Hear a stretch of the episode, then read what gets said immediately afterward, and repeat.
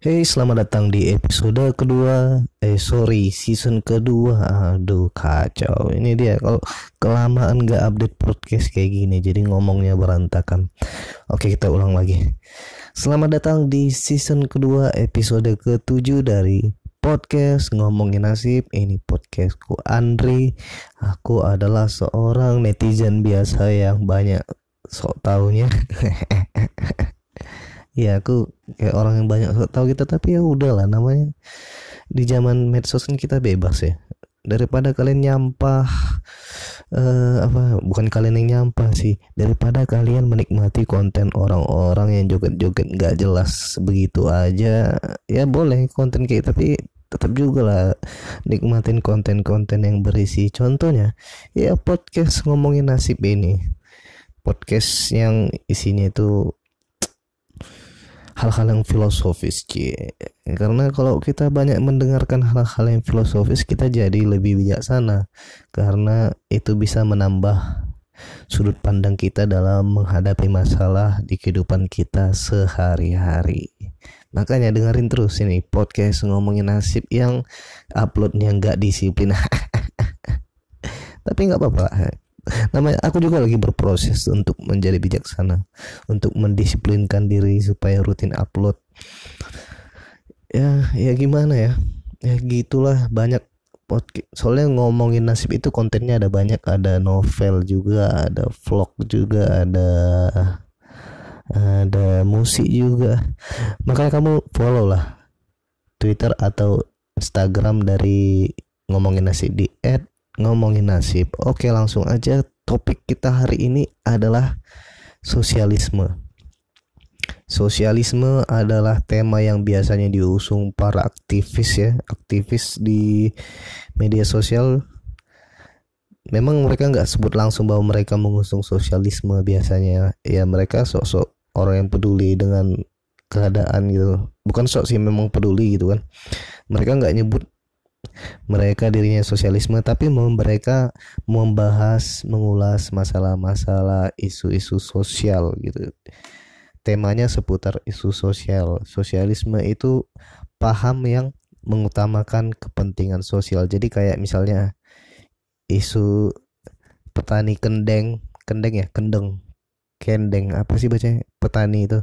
Isu petani kendeng terus isu kayak reklamasi Bali ya kan? Itu kan banyak kemarin beredar di media sosial. Itu temanya sosialisme. Itu temanya keadilan sosial. Itu diusung oleh banyak aktivis di media sosial. SJW SJW kan? Social justice warrior. Uh, itu temanya itu sosialisme yang mereka usung. Jadi oleh karena itu menurutku uh, sosialisme itu layak untuk kita ulas di podcast yang filosofis ini. Podcast ngomongin nasib. Sosialisme itu pada dasarnya adalah kekuatan yang melawan kapitalisme. Tahu kapitalisme kan itu adalah uh, peradaban di mana kita hidup sekarang yang mementingkan uang. Jadi dunia sekarang diatur oleh uang.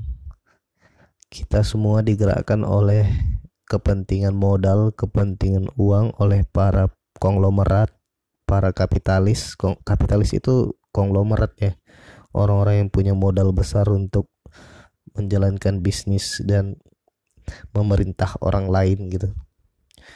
Jadi sosialisme pada dasarnya itu melawan kekuatan-kekuatan yang kayak gitu karena di zaman yang serba duit orang jadi semena-mena jadi sering kali demi duit demi kepentingan pribadi demi pengumpulan untung sebanyak-banyaknya kepentingan sosial itu diabaikan. Itu sering terjadi. Uh, misalnya demi suatu bisnis perusahaan tambang misalnya akhirnya masyarakat setempat uh, masyarakat petani misalnya digusur atau diracuni tanahnya jadi ada kepentingan sosial yang yang tergadaikan terabaikan menjadi korban demi berkembangnya suatu perusahaan. Misalnya seperti itu kasusnya. Nah di situlah para petani berjuang dengan sosialisme sedangkan hmm, para pebisnis maju dengan kapitalisme. Jadi bertentangan nih sosialisme dan kapitalisme itu bertentangan. Kalau di episode sebelum ini aku ada bahas soal liberalisme. Nah, liberalisme itu biasanya sejalan dengan kapitalisme. Liberalisme kan um, paham yang mengutamakan kepentingan individu, kepentingan pribadi. Ya. Salah satu caranya kan dengan mengumpulkan duit kalau kita ingin uh, mewujudkan kepentingan pribadi kita kan. Kalau kita punya duit kita bisa melaksanakan keinginan pribadi kan gitu. Jadi biasanya liberalisme dan kapitalisme itu sejalan. Dan ini dan keduanya ini biasanya bertentangan dengan sosialisme. Sosialisme tadi yang kepentingan sosial tadi. Kan kepentingan individu dan kepentingan sosial itu sering bertentangan. Biasanya tapi nggak semua kasus kayak gitu. Ada juga di negara-negara kayak Amerika yang dasarnya aja basicnya aja udah liberalisme. Di sana justru liberalisme dan uh, kapitalisme itu cukup bertentangan. Karena masyarakatnya ingin bebas secara pribadi sementara kapitalisme menuntut masyarakat yang sangat industri gitu yang akhirnya kepentingan pribadi masyarakat dan uh, kepentingan bisnis negara nasional gitu kepentingan bisnis nasional sering bertentangan jadinya kalau kayak di Amerika sosialisme dan liberalisme itu sering berkolaborasi tapi memang nggak sama tapi sering berkolaborasi menjadi paham politik kiri. Jadi kalau politik kiri itu adalah politik yang menentang itu tadi uh, kapitalisme tadi, menentang uh, bisnis masif yang mengabaikan kemanusiaan gitu gitulah yang uh, bisnis yang semena-mena itu. Kalau kita melawan itu kita biasa ada di kiri. Kita melawan kita melawan penindasan gitu. SJW SJW itu kiri itu kiri. Social justice warrior. Tapi kirinya cuma di medsos biasanya sih. Di dunia nyata tetap aja nggak berani beralah. Sebagian besar SJW kayak gitu aku yakin.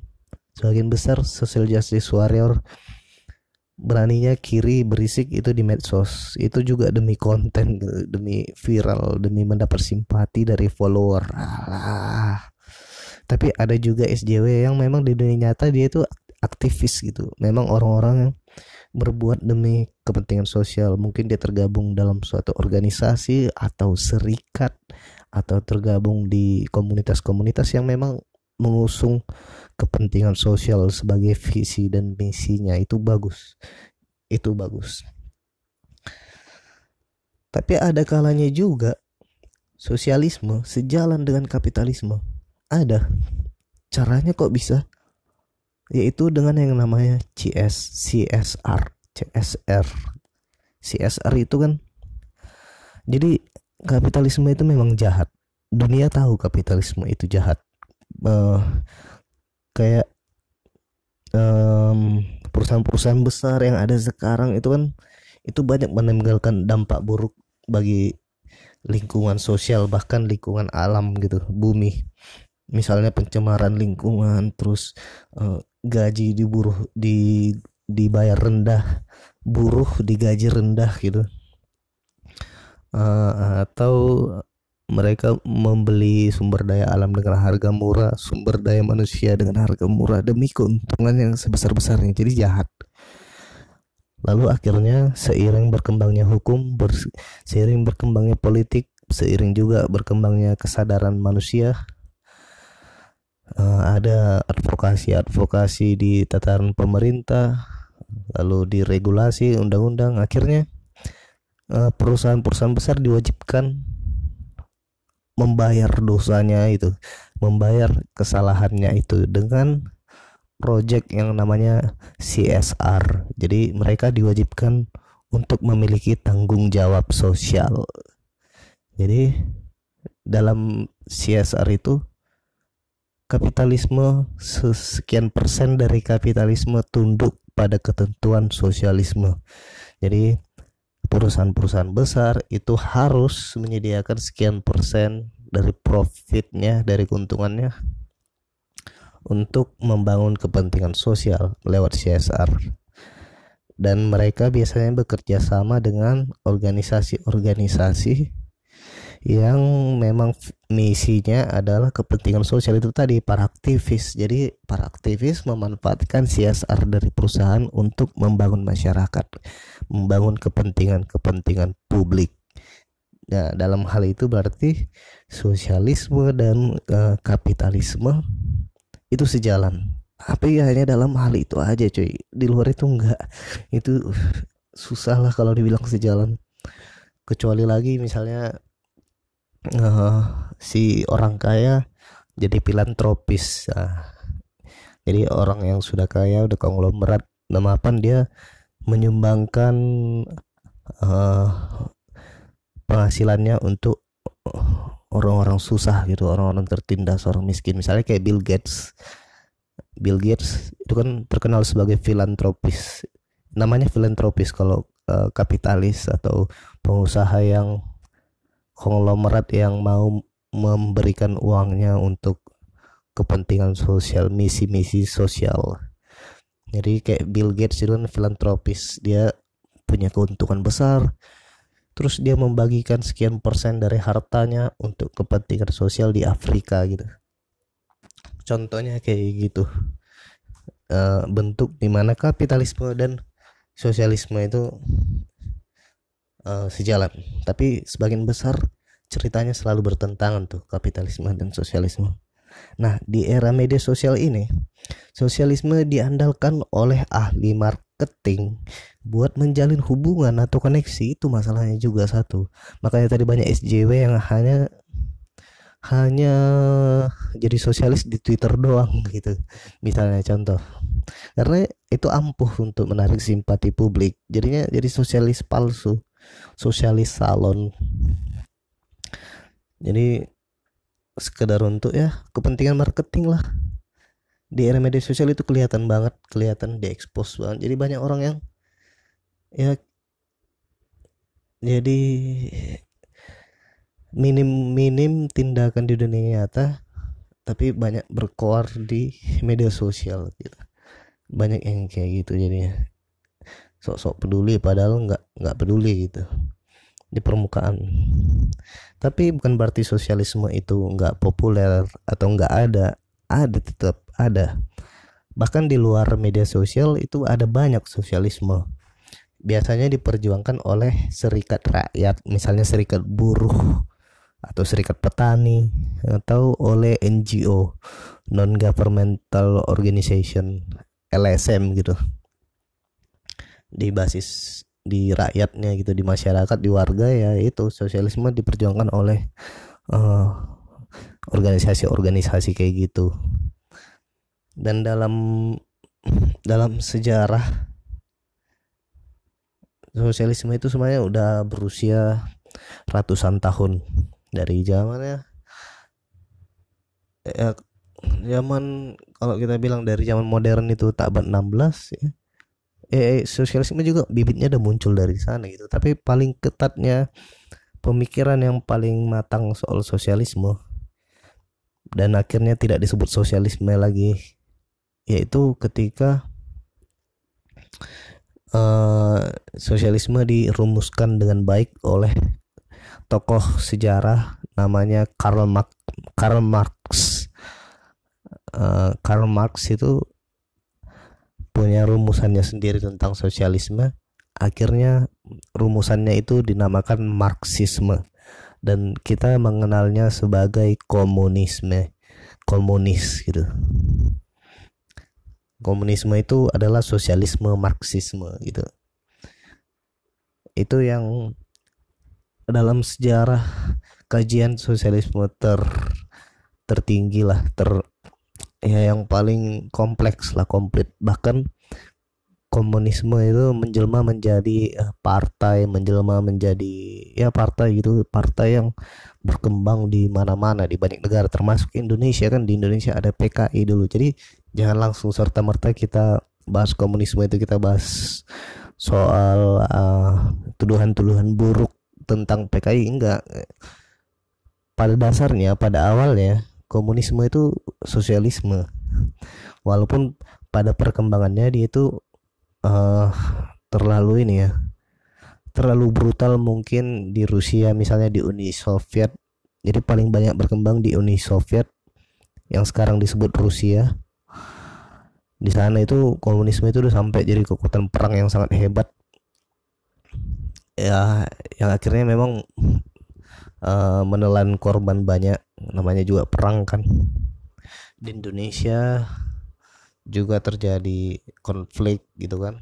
Jadinya pemenangnya adalah pemenang konflik di Indonesia adalah orang yang anti PKI akhirnya kita sampai sekarang uh, mendapat uh, memiliki orang Indonesia sekarang kebanyakan memiliki stigma yang buruk tentang PKI kayak gitu tapi kalau kita menilik ke akarnya kepada dasarnya itu ya itu adalah Marxisme dan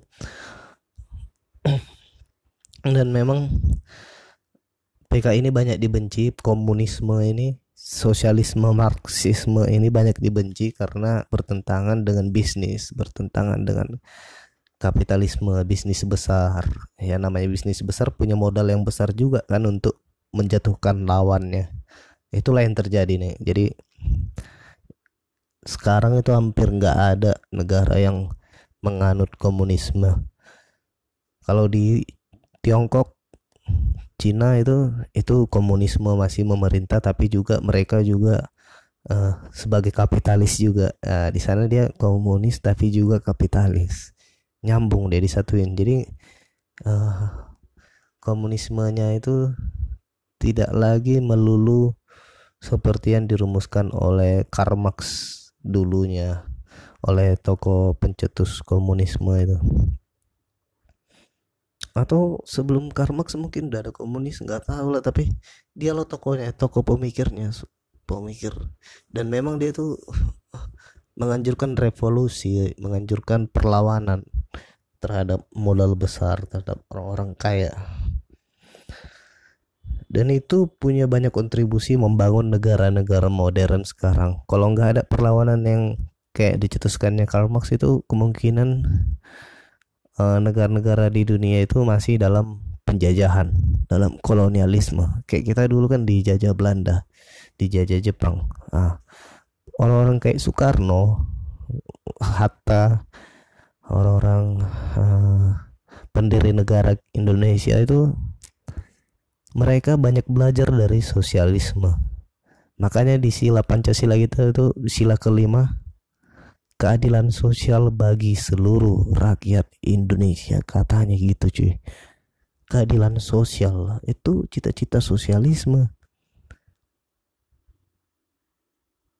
Itu banyak juga uh, membuat membakar semangat untuk melawan penjajahan mereka belajar walaupun mereka tidak mengus, uh, mengadopsi mentah-mentah. Mereka belajar dari sosialisme dari marxisme.